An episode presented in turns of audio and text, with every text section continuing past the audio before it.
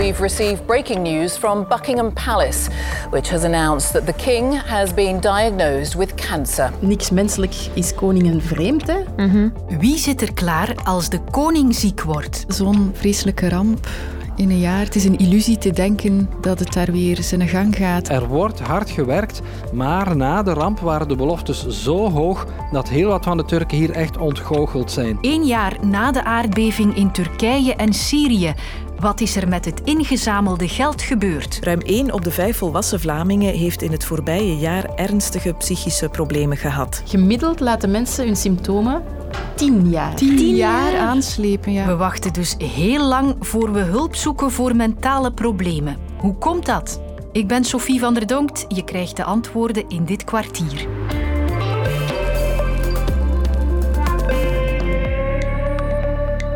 God save our gracious King.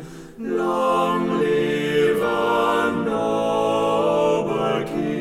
God bescherme onze koning. Lang leven onze koning. Het moet gisteravond door het hoofd van veel Britten zijn gegaan.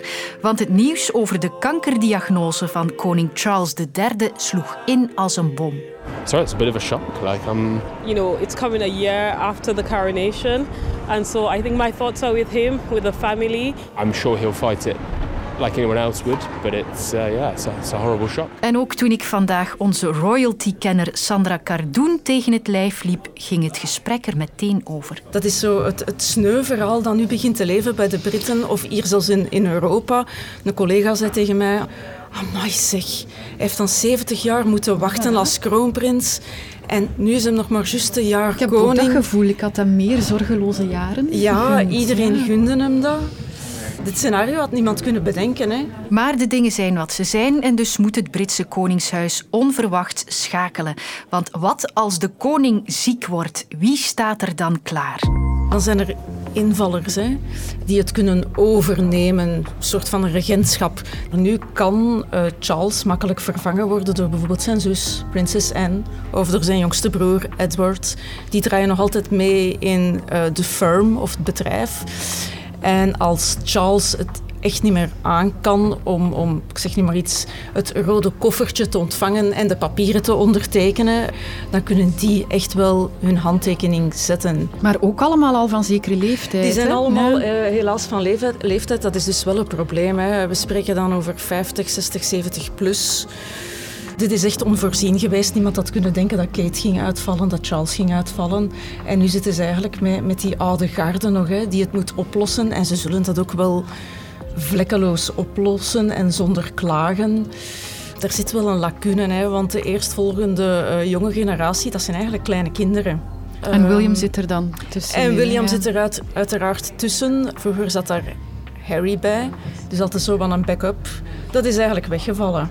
Dus het ziet er eigenlijk niet zo goed uit op de reservebank hè, om, om mee te draaien in heel die malle molen aan, aan activiteiten.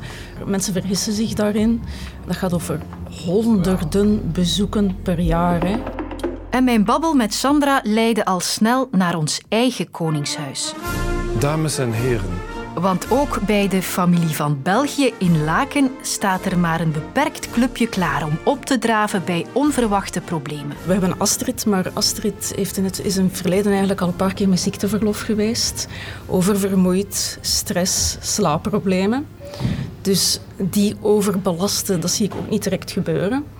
Laurent is redelijk gevaarlijk in zijn uitspraken. Een beetje een ongeleid projectiel. Dan hebben we nog prinses Delphine. Zou ook een optie kunnen zijn, maar ik geloof er niet zo in. Eh, heel- Maar zou Elisabeth dan ook al niet Elisabeth zou kunnen worden? schuiven. Eh, moest dat zich nu voordoen, is het enige probleem. Ja, die studeert voorlopig nog.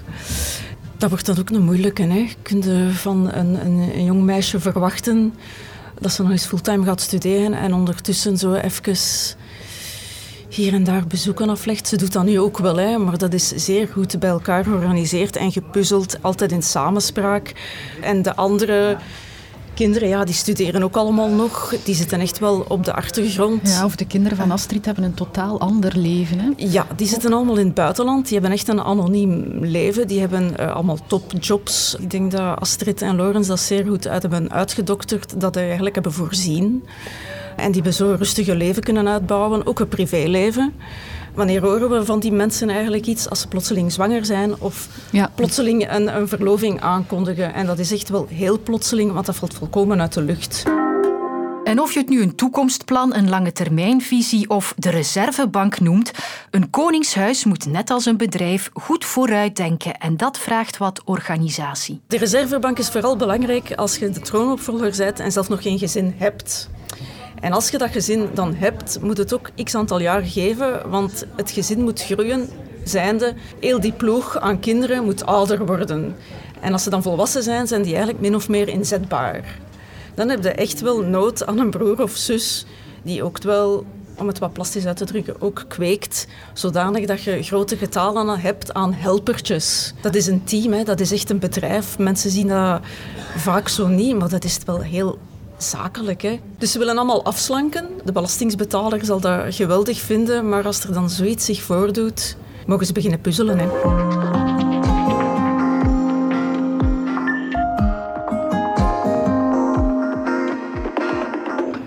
Achter mij zijn nog een eh, drietal kranen bezig met eh, het afbreken van eh, ja, flatgebouwen of, of delen van flatgebouwen die allemaal onbewoonbaar zijn geworden. We zijn vandaag al een jaar na de aardbeving in Turkije en niet te vergeten ook in Syrië. En er wordt dus nog volop gesloopt en heropgebouwd. Metaal wordt een stukje gescheiden, grote stofwolken ook in de verte. Naast mij staat Mehmet, een eh, ingenieur. We gaan hem een paar vragen stellen. Mijn collega Jens Fransen is terug in het gebied in Antakya met een paar Turkse Belgen. Meteen na de ramp bleef niemand hier bij de pakken zitten.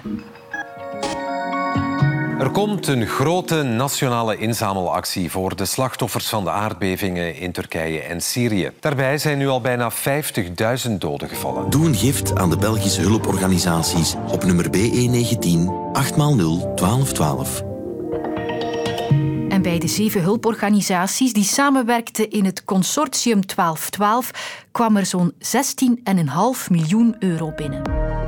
Mijn naam is Gilles van Moortel. Ik ben de directeur van Consortium 1212. Dat is 10,5 miljoen. Uh, daar hebben onze lidorganisaties nu meer dan de helft uh, uitbesteden. Qua besteding op het terrein, dus echt voor de humanitaire noodhulp, is afgebakend tot 24 maanden na het lancering van de oproep. Dus jullie hebben twee jaar de tijd om dat geld uit te geven. Na één jaar schiet nog een kleine helft over. Waar is deel 1 al naartoe gegaan? Dat is voornamelijk noodgezondheidszorg, maar ook psychosociale hulp, dat nog steeds aangaande is.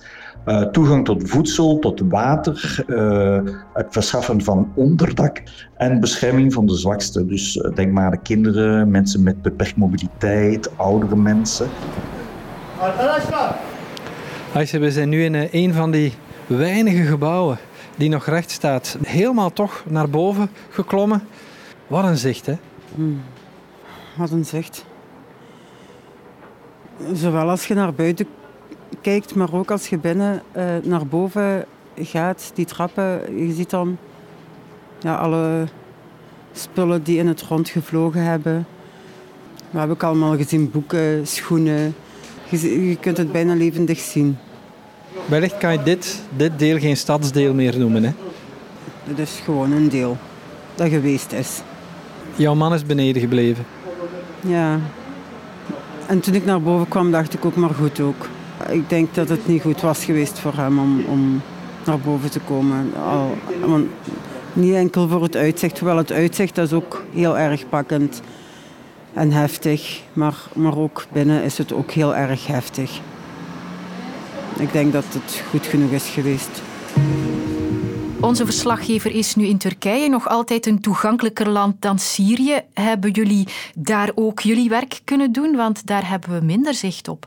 Wat er een beetje een voordeel tussen aanhalingstekens is, is dat er al heel veel humanitaire organisaties in de regio van Syrië uh, aan het werk waren.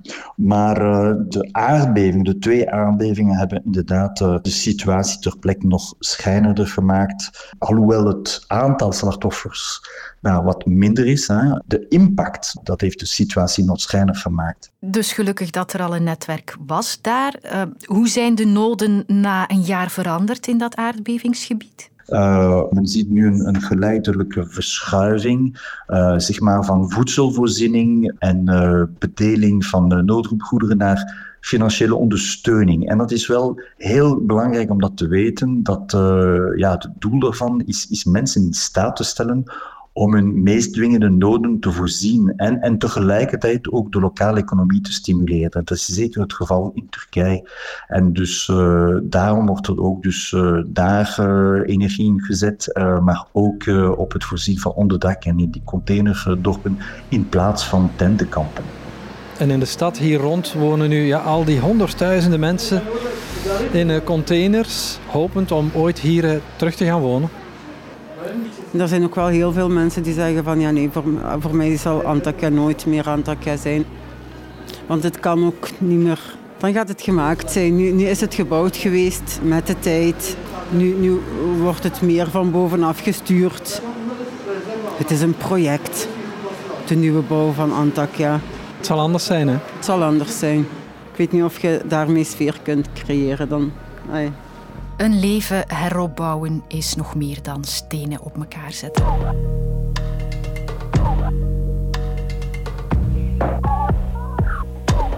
Hoe gaat het? Hoe gaat het? Hoe gaat het met je? Hoe gaat het? Het is een van de allereerste zinnetjes die nieuwkomers aangeleerd krijgen in de Nederlandse les. En dan is het antwoord dat wij Vlamingen geven gewoonlijk... Goed. Heel goed. Prima. Toegeven dat het niet zo goed gaat, dat is iets wat we niet snel doen.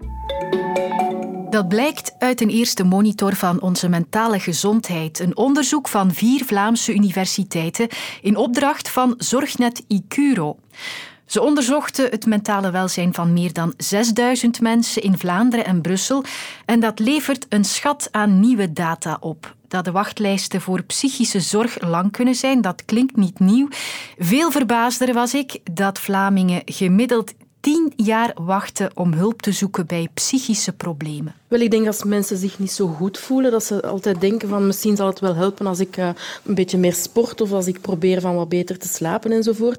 Het is iets anders dan wanneer je een gebroken been hebt, maar het is wel even erg. En ik denk dat ja, mensen proberen van zo goed mogelijk hun best te doen. En misschien zouden ze toch wel soms wat eerder naar de hulpverlening moeten stappen. Je hoort Margot Kloet van Zorgnet Icuro, de grootste koepel van Vlaamse zorginstellingen.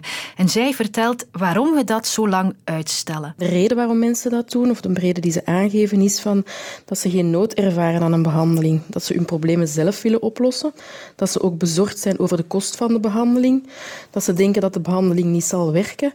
En dat ze ook niet precies weten waar dat ze naartoe moeten met hun hulpvraag. Maar waarom willen we onze problemen liever zelf oplossen? Goh, ik denk dat we een beetje in, in een red race zitten. Hè. En zelfredzaamheid is natuurlijk belangrijk. Zeker als je soms niet goed voelt. Maar als je echt spreekt van een psychische stoornis, dan is gespecialiseerde hulp toch wel aan de orde.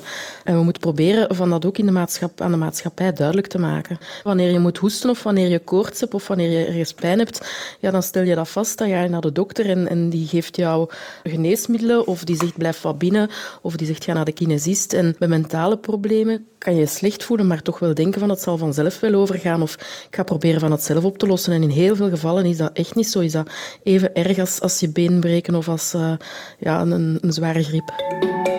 En dan viel er mij nog iets op. Mentaal welzijn is misschien wel bespreekbaarder geworden, maar veel mensen geven toch nog altijd stigmatisering op als reden om de stap niet te zetten.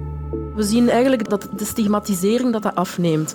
Maar het is natuurlijk nog altijd aanwezig. In de samenleving worden mensen die zich slecht voelen of die, die psychische hulp zoeken, die worden soms toch nog wel bekeken als iemand die, ja, om het met een heel lelijk woord te zeggen, die men een beetje zot vindt of een beetje gek vindt. En dat is absoluut niet het geval. Ik denk dat dat blijft hangen en dat campagnes nog nodig zullen, zullen blijken, maar dat we ook moeten leren spreken daarover met elkaar. En ook, ook op school, in jeugdbewegingen, met ouders van kindjes die in kinderdagverblijven zitten enzovoort, dat we echt wel ook in quasi heel alle opleidingen van mensen die in contact komen met andere mensen, met jonge mensen, dat we daar um, ja, een, basiscursus um, van het, het, het zien van bepaalde symptomen, het herkennen van bepaalde symptomen, daarover durven praten, dat dat wel aan de orde is. Want tien jaar wachten, dat is niet zonder gevaar. De risico's zijn vooral dat mensen uitvallen, dat ze niet naar school gaan, dat ze, dat ze niet naar hun werk gaan, dat ze niet functioneren, dat ze nog een extra stoornis uh, ontwikkelen. Uh, bijvoorbeeld iemand met een depressie die daar, niet aan, die daar niet voor in behandeling gaat. De kans dat je dan nog een angststoornis ontwikkelt, die is heel groot. En dat de problemen die je hebt, dat die ook verergeren. Dat mensen misschien uh, bij angst ook op een bepaald moment niet meer naar buiten durven, niet meer functioneren. Dus die risico's zijn wel heel groot. Mentale zorg niet op de lange baan schuiven, dus dat punt hebben we in dit korte kwartier hopelijk toch gemaakt. Tot de volgende keer. Ben je fan van podcasts zoals Waar is zuster Gabriel, Onder ons Politiek of Franks en Bilo? Kom dan op zaterdag 9 maart naar het live podcast-event van VRT Max in Lamot in Mechelen en ontdek er deze en vele andere podcasts. Tickets en info op VRT Max.